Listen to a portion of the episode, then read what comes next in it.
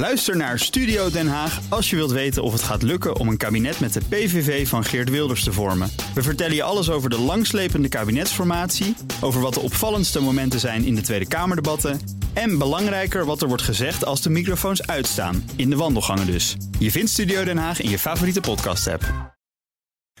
De column van Paul Lasseur. Waar een klein land groot in kan zijn, is de cynische titel van het rapport over de gigantische omvang van de Nederlandse drugsindustrie.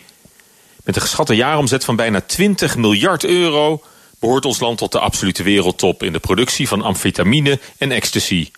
De synthetische drugssector in ons land is net zo groot als een paar van onze allergrootste ondernemingen, zoals Philips of Air France KLM.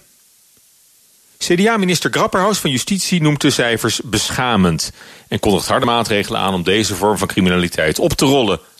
Maar de 1100 extra agenten die het kabinet in de strijd gooit, zijn natuurlijk volkomen kansloos tegen de doorgewinterde drugscriminelen die jarenlang ongehinderd aan hun imperium hebben kunnen bouwen. De pakkans is vrijwel nul, helemaal voor de grote jongens achter de schermen. Om dan ineens hoge prioriteit te geven aan zo'n brede, repressieve aanpak van drugscriminaliteit heeft dan ook weinig zin. En volgens mij zit niemand te wachten op een keiharde war on drugs, naar Amerikaans voorbeeld, met de bijbehorende geweldspiraal. Zo'n oorlog kent alleen maar verliezers. De inzet van politiemensen is een betere zaak waardig. Bovendien is het weinig consequent om de handel en productie zo hard aan te pakken, zolang het gebruik van ecstasy nog structureel door de vingers wordt gezien. Zonder vraag immers geen aanbod. Daarom zeg ik, legaliseren die handel. Waarom cannabis wel en ecstasy niet? De belangen voor de boeven zijn zo groot omdat het illegaal is. Nederland zou zijn rol moeten opeisen als tolerant gidsland voor verantwoord drugsgebruik. Het spul is nu toch al makkelijk te krijgen. 14-jarige festivalgangers of bezoekers van dance-events kunnen makkelijker aan pilletjes komen dan aan een blikje bier in de supermarkt. Alle tieners zeggen ja tegen MDMA. En wat is er eigenlijk mis met recreatief gebruik van partydrugs? Mij niet gezien hoor, doodeng. Maar laat iedereen het lekker zelf weten. Die vrolijke pilletjes horen er gewoon bij in het uitgaansleven.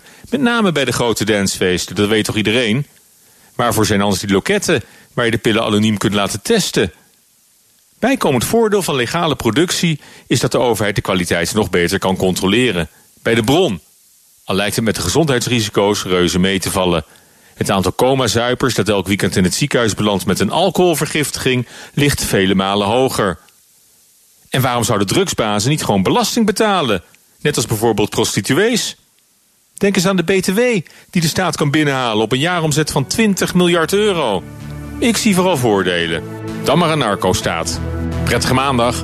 Dat zei Paul Lasseur in zijn column en die kunt u terugluisteren. Zonder pilletjes op bnr.nl en in de BNR-app.